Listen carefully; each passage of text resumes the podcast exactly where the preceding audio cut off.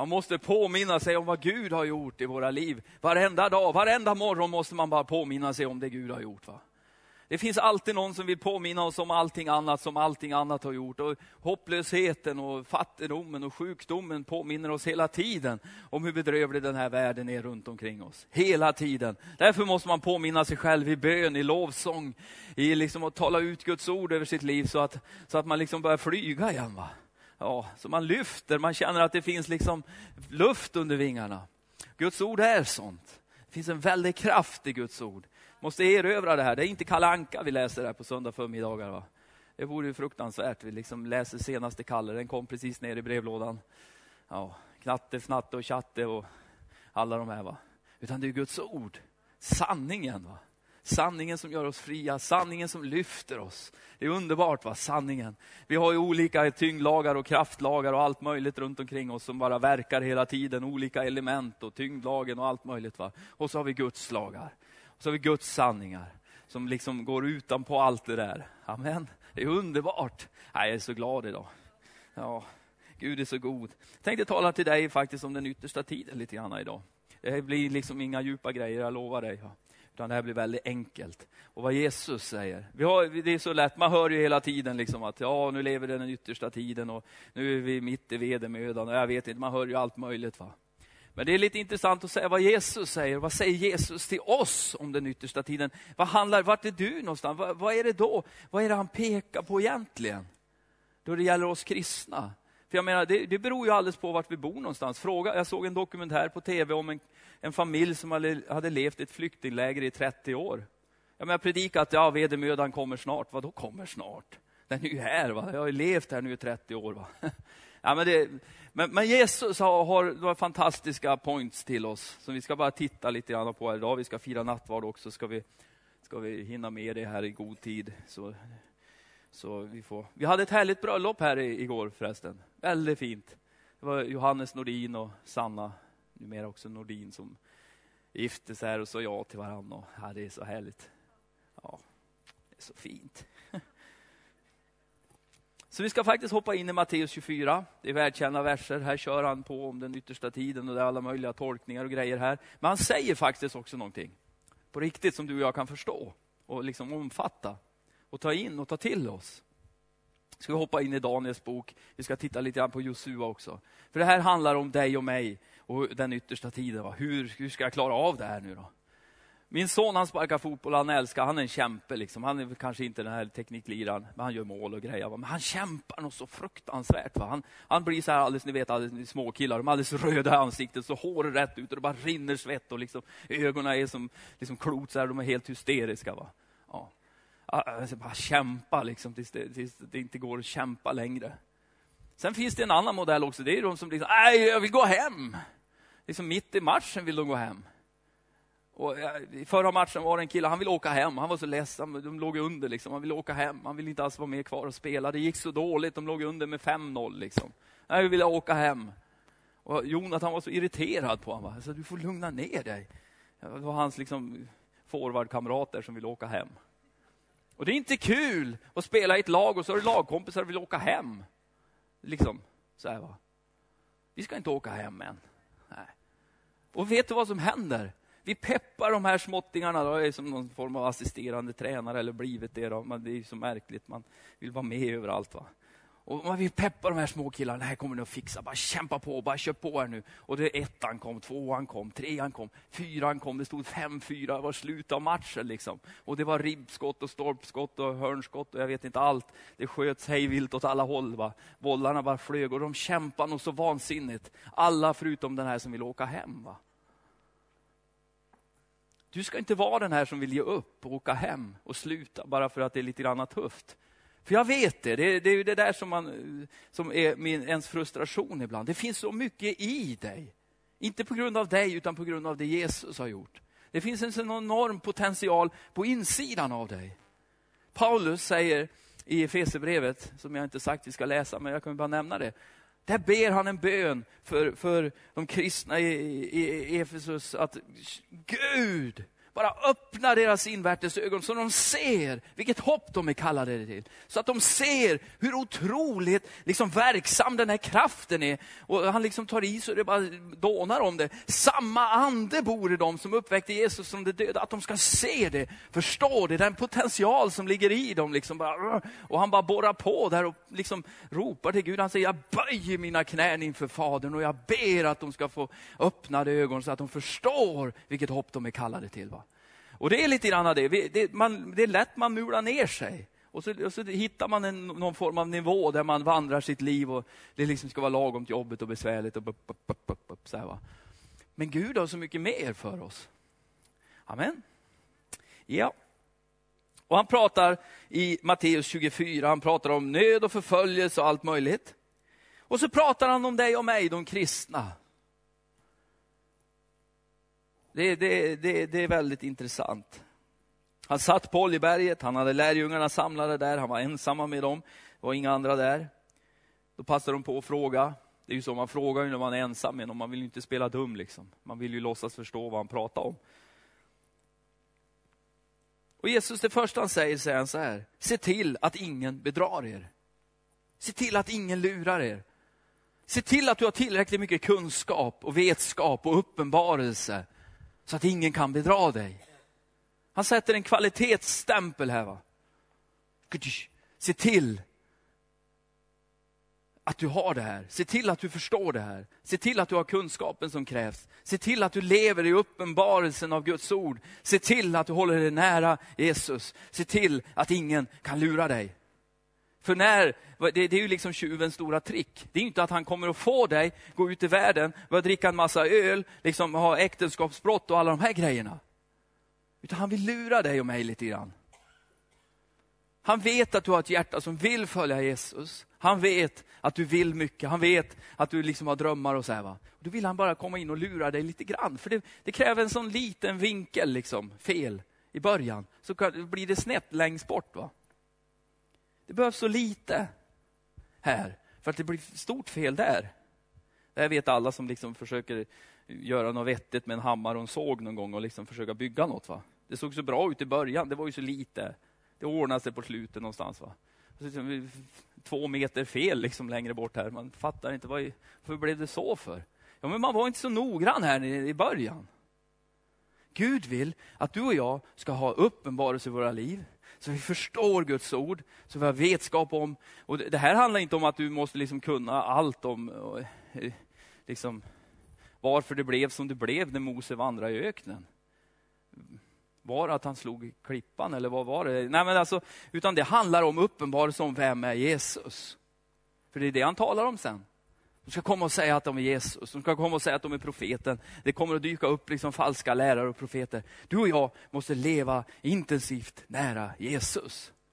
Amen. Så vi lever i uppenbarelsen om vem Jesus är och vad han har gjort i mitt liv. I tacksamheten över frälsningen. Jag är räddad, jag är förlåten. Jag är, för, då när människor kommer kanske med någon, någon vinkling och någon grej liksom och säger att du, nej men nu får du nog liksom säga, va, nej men du vet jag är frälst.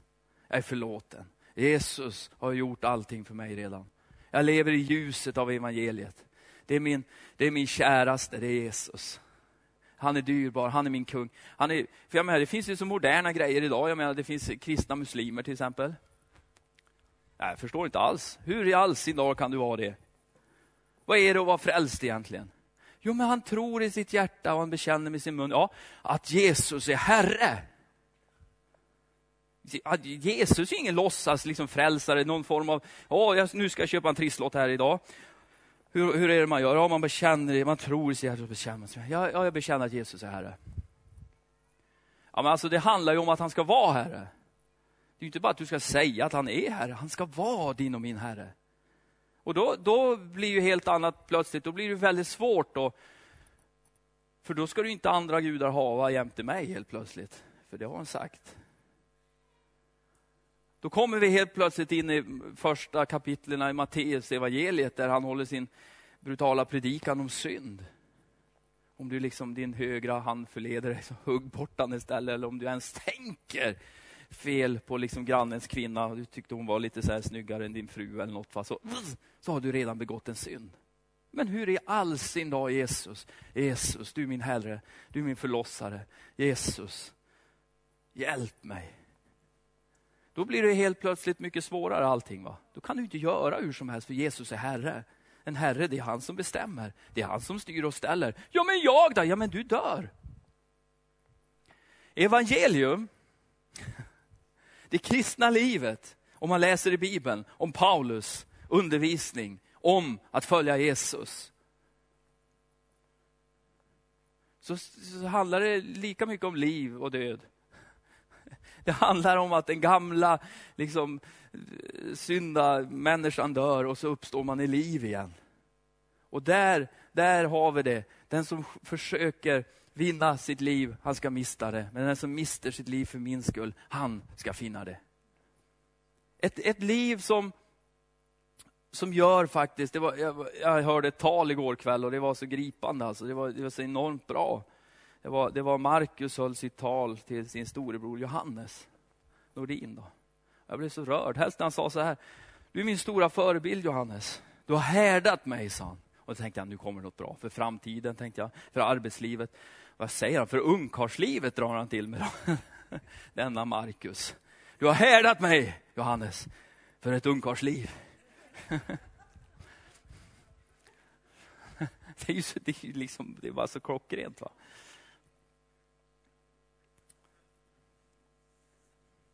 Ja, men du kan inte bara gå runt och äta mjukglass hela tiden. va?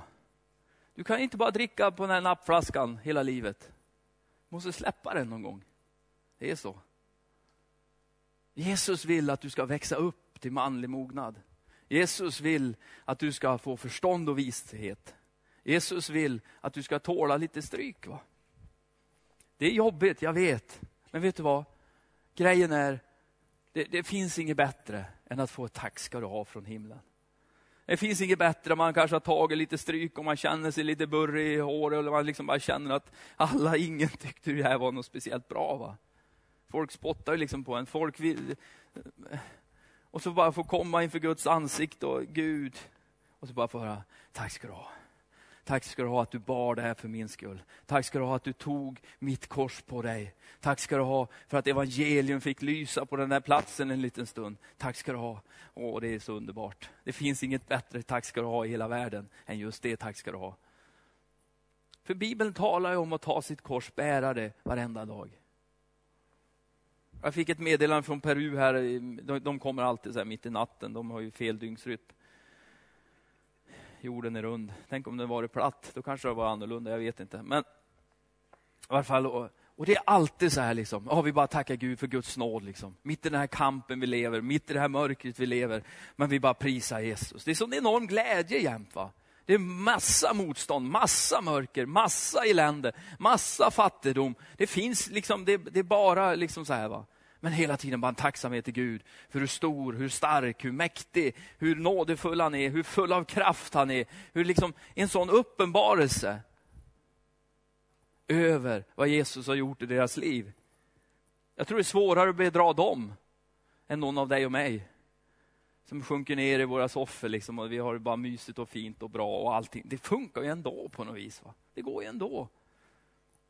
Och rätt vad det är så händer det något fräsigt någonstans. Det blir lite fart. Och direkt så vaknar man, ah, men det är mysigt, vilken häftig konferens. Liksom. Dit, dit, dit ska jag åka. Och det är inget fel på häftiga konferenser, det är underbart. Men det finns ett liv i Gud, där ingen kan bedra dig. En kvalitetsbeslut i ditt och mitt liv, där jag betalar det här priset som krävs för att få tag på det här. Jag betalar det här priset för att kunna leva i uppenbarelse av Guds ord. Jag tar tag i det här. Jag lever i det. Jag låter Guds ljus lysa över mitt liv så jag ser vad jag måste ändra på. Så att det finns en kvalitet. Det är det han talar om här också framöver. En, en, en liksom, någon form av kvalitet i våra liv. Om vi hoppar in i Daniels bok så hittar vi det.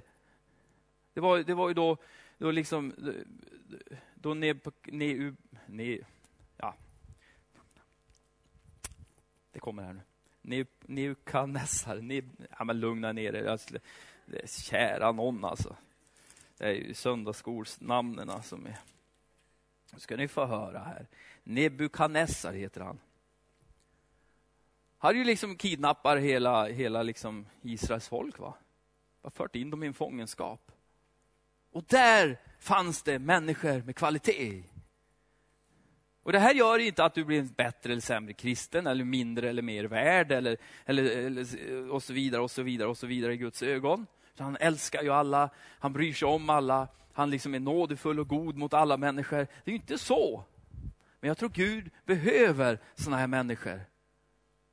För i slutet av, nu hoppar jag väldigt vilt här, i slutet av Matteus 24 så står det faktiskt att i all den här nöden, i alla de här krigen, i allt det här så ska evangelium predikas. Mitt i allt det ska evangelium predikas. I Daniels bok så predikades evangeliet. Hur då? I förföljelsen. Hur då? Grabbarna brann inte upp i den brinnande ugnen. Daniel blev inte uppäten av lejonen. Evangelium predikat. Lagstiftningen ändrades. Varför? Han vägrade böja sig. Han höll fast. Vad gjorde han? Var han en evangelist, Daniel? Nej. Var han ute och predikade på gator och torg? Nej. Vad gjorde han? Han höll fast vid bönen. Han höll fast med det han alltid gjorde och alltid har gjort. Och han bara vägrar. Nej minsann, jag ska inte sluta be den här tiden på dagen. Jag fortsätter. Jag stänger inte in mig heller. Jag gör det, det jag alltid har gjort det. För min Gud ska frälsa mig. Sadrak, Mesak, Abenego vägrade böja sina knän. De bara vägrade. Vi ska aldrig någonsin tillbe någon annan. Vi ska aldrig någonsin underlåta oss, låta våra hjärtan bli bedragna. Lyssna här nu, det här är mycket konstigt. Det är ett helt folk som är infört i fångenskap. Det var inte bara Sadrak, Mesak och Abednego. Ifrån det, de hade bröder, de hade syskon, de hade andra där runt omkring sig som hade fallit för det här trycket, för det var ett enormt tryck. Det var ett enormt hat. Den där elden, den stod och brann, den här brinnande ugnen. Hotet låg där. Ni kommer att bli inkastade där. Men de här tre grabbarna, de bara vägrade böja sig. Jag gillar det där. Josua var en annan. Josua och, och Kabel.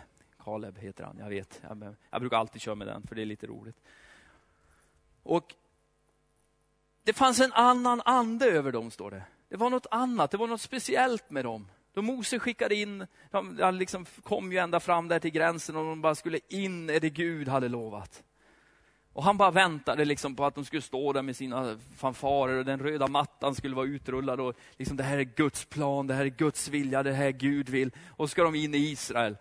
Och så... Ja, men, det var jättar där som bara hatade dem som tyckte att de var som små gräshoppor. Det var ju liksom ett massivt motstånd. Det var ju ett helt folk. Krigare, bergsfolk. Och här kommer de här för detta slavar som bara tagit sig igenom en öken. Jag tänkte, nej, vad är det här? Gud, har du fel? Eller vad, vad har hänt? Är det här Guds vilja? Är det här verkligen Guds vilja? Är det här Guds plan? Är det här liksom... Oh, man kan ju tänka hur det börjar surras liksom.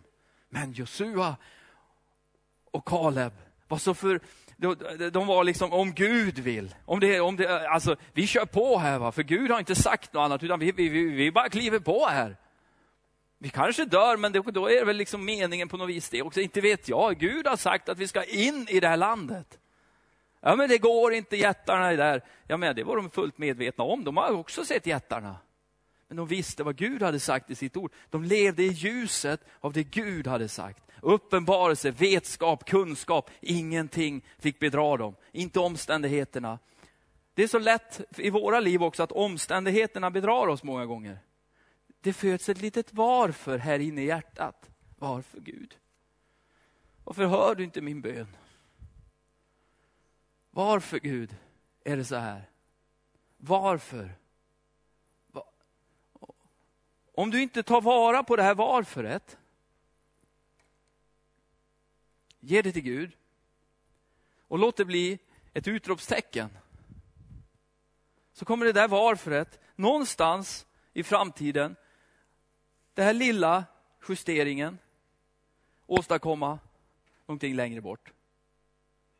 Historien om den återfunna sonen eller förlorade sonen, eller, ja, den har vi hört alla.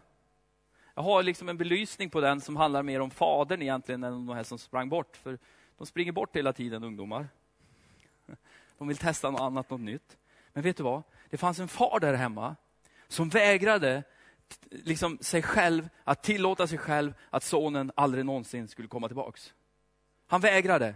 Det fanns en tanke tror jag i hans huvud hela tiden, att fadershuset har en tillräckligt hög dragningskraft för att hans son skulle komma tillbaks en dag. Varför? Därför att han såg sin son redan på långt avstånd. Det betyder ju något. Att han tittade efter honom. Va? Det betyder något att i hans hjärta fanns en visshet om, han kommer tillbaks. Han kommer tillbaks. Han, kom, han, kom, han kommer att komma tillbaks. Det kanske tar tid. Han kanske kommer tillbaks, är han annorlunda. Han kanske är fullt pörsad, har tatueringar överallt. Han har gjort av med allt. Han kanske är totalt ner. Liksom, han kommer att komma tillbaks. För faderhuset kommer att dra honom tillbaks. Fullt viss om att det Gud har sagt, hur det fungerar, kommer att fungera för mig också. När man ber för något, man ber och man grejer och man håller på. Va? Man tänker, varför Gud? Varför är det så här? Någonstans måste man tillåta sig själv och låta, men Gud, jag väljer att tro på dig. Men Gud, jag ger mig inte. Men Gud, jag ska fortsätta. Men Gud, vi, vet du, vi har ingenting att förlora. Vi kommer att vinna jämt, varje gång, hela tiden. Även fast det bär så att du dör, va? så kommer du att ha vunnit ändå. Du har vunnit det eviga livet tillsammans med Jesus i himlen. Amen. Du lever i ljuset av evangelium, vad Jesus har gjort i ditt liv och ingen kommer att bedra dig. För det är där striden tror jag kommer att stå lite grann. Vem är Jesus? Vad gjorde Jesus? Det är där striden står idag. Jag menar, du har helt liksom flänga versioner av Jesus som bara snurrar runt liksom, i media, i, i, i kyrkorna till och med. Vem är Jesus? Vem är han egentligen? Jesus är frälsaren. Jesus är den som förlåter synd. Jesus är den som upprättar människor. Jesus är Herre. Jesus är Guds son. 100% människa, 100% Gud, född av Gud, från himlen. Jesus är den som kommer att komma tillbaks en dag, kommer att komma tillbaks till Oljeberget. Jesus är din och min frälsare. Jesus är den som ordet har talat om. Han kommer att komma tillbaks. Att få leva i det. Han fortsätter att prata här nu är vi tillbaka, det här, jag vet, det här det är svårt, det brukar vara svårt att hänga på mig, men bara häng på. Eh, han fortsätter här och pratar om, om eh, stridslarm, höra rykten om stridslarm. Och så säger han, ty det måste hända. Ibland så vill vi gärna förändra elementen. Va? Vi vill gärna förändra det liksom, tids, men, men du och jag, vi, vi, måste tänka så här. Vi lever alltså i en linjär tidsaxel, du och jag, som vi inte kan förändra. Det finns ett början, det finns ett slut. Det, det, det, det, kan du och jag inte göra så mycket åt. Det kommer att vara så. Ännu mycket, åh gud, jag vill inte vara med på vedermödorna. Ja men kom igen med lite vedermödor då, så får man se liksom vad egentligen... Ibland blir jag så trött på mig själv. Jag väljer hela tiden den lätta vägen. Ibland är det lite kul att hamna i de här, eller kul, det är jobbigt. Men du hamnar där, du har bara en utväg och det är Jesus. Och den bär alltid. Den fungerar varje gång. va? fungerar varje gång. Så den kan du och jag inte förändra, men det, ditt och mitt hjärta kan vi förändra. Han fortsätter och talar, då ska man utlämna er till att misshandlas och dödas. Om ni kommer till, till att bli hatade av alla folk, där mitt, där, ah för mitt namns skull. Och då ska många komma på fall och de ska förråda varandra och hata varandra. Många falska profeter ska träda fram och bedra många. Eftersom laglöshet tilltar kommer kärleken att svalna hos de flesta. Men den som håller ut intill slutet ska bli frälst. Den som håller ut, den som håller ut, den som kämpar trons goda kamp. Ja, säg kämpa. Ja, det är ett fantastiskt ord. är man trött så tycker man kämpa speciellt. Men Jesus säger, du som arbetar och är betungad... Och så vill han ge dig ett annat jobb. Lägg ett ok. Det är inte Jesus som gör dig trött. Inte församlingen som gör dig trött. Vet du vad? Det är din och min, mina grejer som gör oss trötta. Va? Det, är, det är liksom kampen, visst absolut, man kan bli trött. Liksom. Du är uppe hela nätter och det ringer telefon. All, du ny hem, men du får inte bli trött på kyrkan, församlingen och Jesus. Du är trött på. Vad är det som egentligen av? Vad är det med dig? Vad är lusten? Det är som morden på min. Det är många. Det bryr sig inte heller. Det, det går inte. Du måste koppla ihop mig och bror. Vi är vi är församling det på jord. Du är ensam. Allt är tillsammans. glida och vinna. Som det kan då finns allt som är riktat som den. Det är ju till som hade själv och dom och sorg på alla. Han får inte en enda gång. Bara, liksom, bara titta så här. tappar bollen. Okej? Vi ska se till att det hjälper till hela världen. Drastiskt där i Daniel ändringen på grund av en man som bara vägrar böja sig. Människor, tänk er när de, skickar in Sadrak med Abenego i den brinnande ugnen. Och plötsligt så dyker en fjärde Va? Helt plötsligt dyker han upp som ingenstans. Och de tar in ugnen och de säger, att han är en son. Det är någonting med honom. Det är alldeles där som händer nu på den här platsen. Och jag med, med egna ögon brinner fortfarande upp. Vakterna som kallar in dem, sen, de här killarna, de brinner inte. En enorm gudsfruktan kom över hela folket. Varför? För de var så här spralliga evangelister som bara sköt och nej. De var normala människor som bara vägrade böja sina knän. Varför? För de levde i ljuset av att Gud, du är min Gud. Gud för dem var inte bara liksom en, en kul känsla eller en happening, utan det var liksom deras Herre. Gud, du är min Gud. Gud, jag skulle aldrig någonsin, nej, aldrig, Gud, jag vill bara vara nära dig Gud. Jag skulle aldrig underlåta mig att böja mig för en kopparstaty för din skull. Aldrig. Eller guld kanske det var. Det var någon annan som hade koppar i sig. Jag skulle aldrig göra det. Men det finns mycket man kan böja sig för i den här världen. Och jag tror Gud, genom den helige Ande, ger dig och mig styrkan att kunna stå. Han styrkte Petrus till exempel, som så dyrt och heligt lovade Jesus, jag ska aldrig någonsin, aldrig någonsin, aldrig någonsin Jesus svika dig, lämna dig. Jag ska aldrig någonsin förneka dig inför någon annan människa. Men då var det just han de skriver om, givetvis då, senare i evangeliet, att det var just han som förnekade Jesus. Och tuppen den gal och så vidare. Det var just han som grät bittert i mörkret. Va? Men det var just han som stod på pingstdagen och predikade evangeliet för första gången i världshistorien så 3000 människor blev frälsta. Din och min svaghet är din och min styrka. Din och min otillräcklighet är din och min styrka. Där inte du och jag kan, där säger Jesus bra, då hjälper jag dig. Det du och jag lägger ner för honom, det förlorar vi inte, det vinner vi. Jesu matematik, det är inte din och min matematik.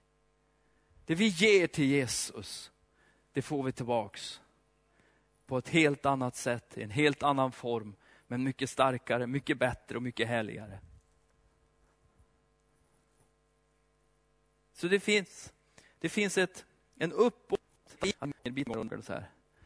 Fyra år senare så hade jag lyckats, jag, jag, visste inte det, men jag hade stoppat ner en bröstficka på en skjorta här så här, på väg in till akuten. Va? Några år senare hittade jag den där röda skjortan igen och så hade jag på mig den och så, det är något här va. Så, nej men titta! Det var liksom nageln då, och så någon liten skrumpen liksom, köttbit där på. Det, Den var död, men jag levde. Ja.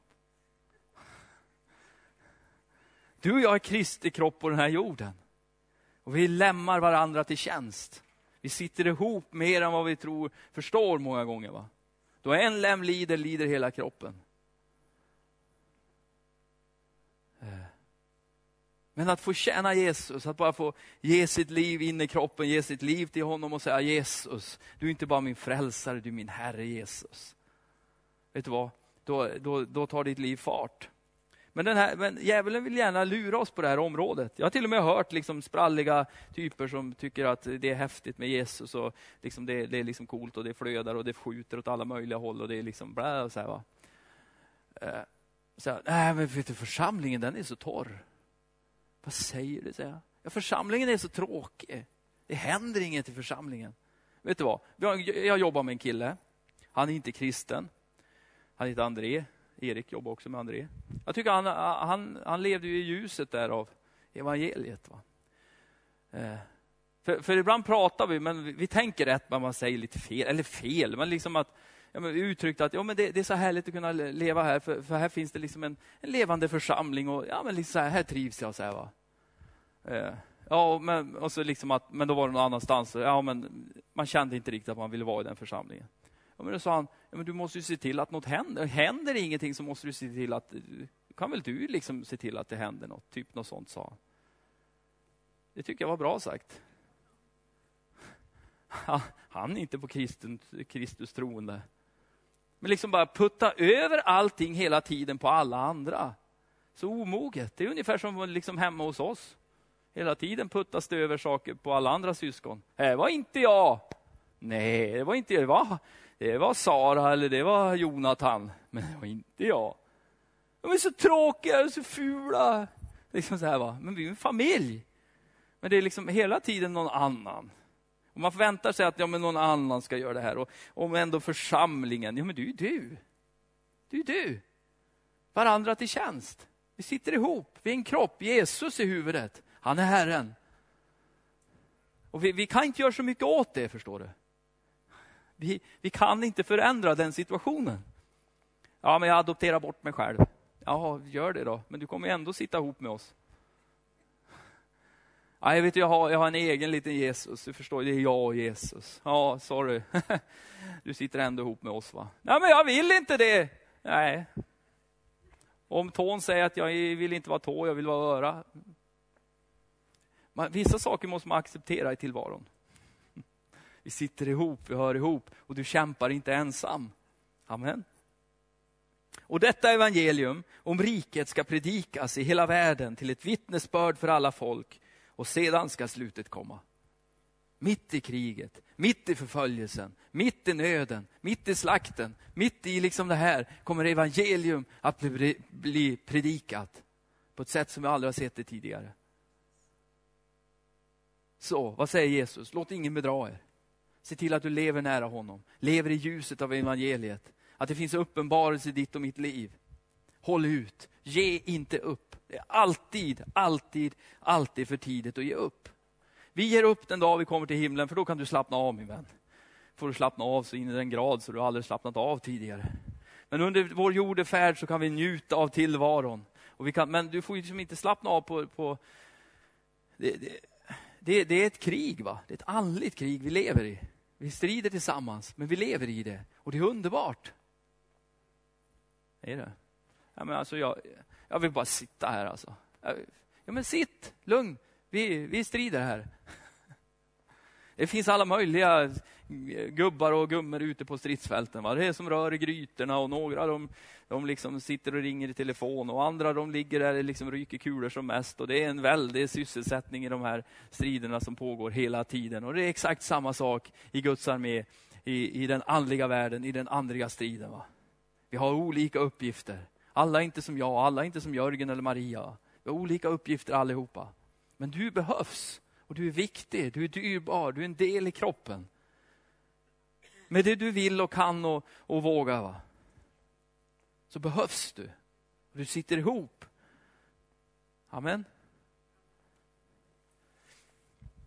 Så låt oss hålla kvalitetsstämpeln uppe. Jag blir så äggad av alla de här liksom gamla alla de här som, som liksom har utstått saker för Kristus. Och man ser att oftast är det liksom inga... Jag menar, de bara vägrade böja sig. Kanske de tänkte att det går bra ändå.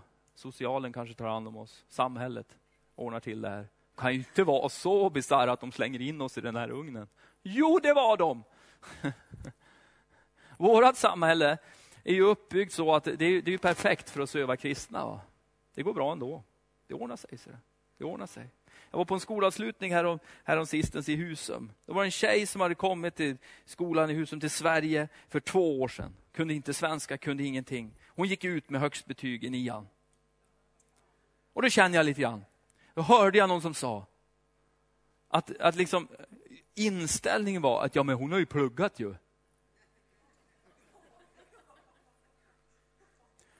Ja, men det är väl klart hon har pluggat ju. Men hon har en helt annan syn på världen, på, på verkligheten, än vad du och jag har. Vi har ju liksom att det går ju bra ändå. Mm, försäkringskassan tar hand om oss. Jag har betalat skatt. Jag har sommarjobbat två månader. Och det, det är jättebra. Systemet är fantastiskt bra, men det är väldigt sövande också. Jag var på Arbetsförmedlingen en gång i hela mitt liv. Och de, började, de tog mig så här i sin famn och liksom började vagga mig så här. Och jag kände, vad äckligt!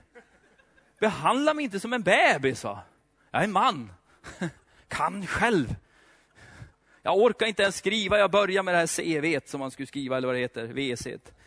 Och jag skrev, jag, till slut så reste jag mig upp och så gick jag. Han bara, Aj, vad ska du? sa han. Jag ska gå och skaffa ett jobb, sa jag. Så gjorde jag det.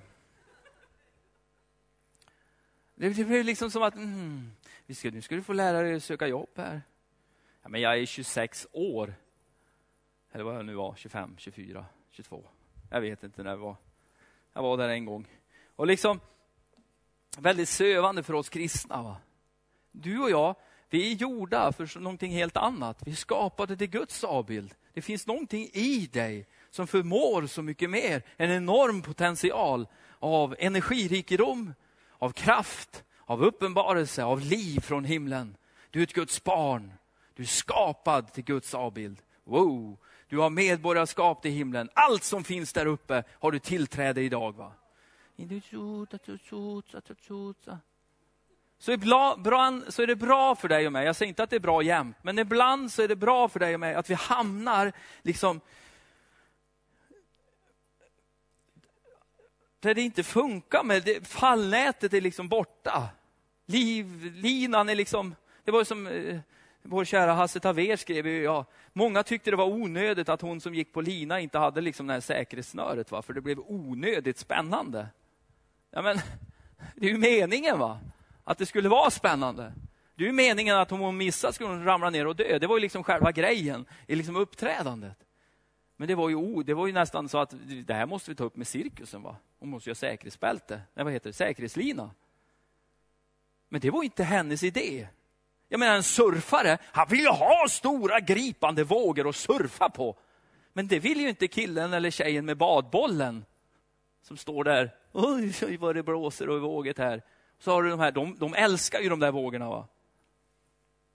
Många tycker Mount Everest är alldeles för högt för att bestiga. Men de som bestiger det, de önskar ju att det var ännu högre. Varför? Men alltså, du har ju de här i USA som, som jagar så här tornados. De flesta springer och gömmer sig. va? Liksom kryper ner, hugger hål i golven och liksom kedjar fast sig i en stor betongklump för att man inte ska blåsa iväg eller något. Va? Men inte de, de här tornadojägarna, de kör ju till tornadon. Varför? För de, för de måste ta kort, de måste uppleva det här, det ska, det ska skaka i marken liksom och det ska kännas. Du, du är skapad till så mycket mer. Det finns så mycket i dig och mig. va? Ja. Men vi lever i ett samhälle där vi gärna liksom, vi, vi lullar och det funkar bra. Och allt är liksom frid och fröjd. Och allt, det går ju bra ändå. Den här afrikanska tjejen, hon hade inte det i sig att det går bra ändå. Går jag inte ut nian med toppbetyg, kan jag inte söka den här linjen, kan jag inte bli läkare, kan jag inte tjäna pengar, gifta mig, få barn, försörja en familj, liksom bli någonting. Ja, vadå? Hon har ju pluggat ju. Mitt mål är arbetsförmedlingen måndag morgon efter studenten. Det går bra ändå, det ordnar sig någonstans. Det är inte säkert det ordnar någonstans. Du och jag har ett ansvar som kristna. Du och jag har ett ansvar att stå upp för Jesus, för evangeliet, för att det här ska bli bevarat. En del har så fullt upp med de här tidsteckningarna i liksom yttersta tiden. Va? Jag, jag, jag, blir alldeles trött på grejerna. Jag har fullt upp och försöka få de unga människor att bli lärjungar till Jesus. Jag, har inte, ja, visst, det kommer att ta slut en dag och så kommer någonting annat och så kommer Jesus tillbaka och så är det full snurr. Och där kommer falska profeter, ja men de finns hela tiden. Jag skulle kunna räkna upp en fem, sex stycken i Sverige idag, bara så här smack. Som predikar ett evangelium som inte är Bibelns evangelium, men som lockar och kittlar människors öron och där de applåderar och tycker det är så fantastiskt. Jonas Gardell har skrivit en bok, det är enormt om Gud. Ja, men det är ju bara skit alltihopa, elda upp dem, släng bort dem. Det är bara förvillar och förleder och är bara dynga. Ja, men, ja, men så kan det inte vara kärlekslöst. Jag älskar karln. Han måste ju bara få tag på den levande Jesus. Det är inget fel på han. Det är bara det det finns kristna som liksom har på något vis frammatat honom till att bli liksom hedersdoktor i teologi. Helt enormt. Han har läst Bibeln flera gånger. Ja, jag har läst Bibeln hela mitt liv. Det är ju enormt. Vad fint. Mm. Amen. Så, eh, låt oss leva i det här. Låt oss leva i uppenbarelse. Låt oss betala det pris som krävs. Och låt oss få se hur evangelium sprids. Utifrån bara det att vi lever som kristna. Att vi är lite annorlunda. Jag är annorlunda. Vi, sitter, vi, vi, sätter oss i en ring och så säger vi det att nu får Hasse prata. Ställa sig, jag är annorlunda. Ja, men du är ju frälst. Du, du är absolut annorlunda. Du tillhör himlen. Jesus bor på insidan av dig. Och när, du, när människor tittar in i dina ögon, tittar Jesus ut därifrån. Som en av tjejerna här i församlingen hade varit på någon sån här firmafest och jobbat lite extra. Och chefen där hade bara liksom spytt galla över henne och gjort ner henne och liksom bara verkligen matat på. Liksom. Äh, så här va. Om Jesus och massa, en vuxen människa, det är en 16-årig tjej. Vad var det som hände?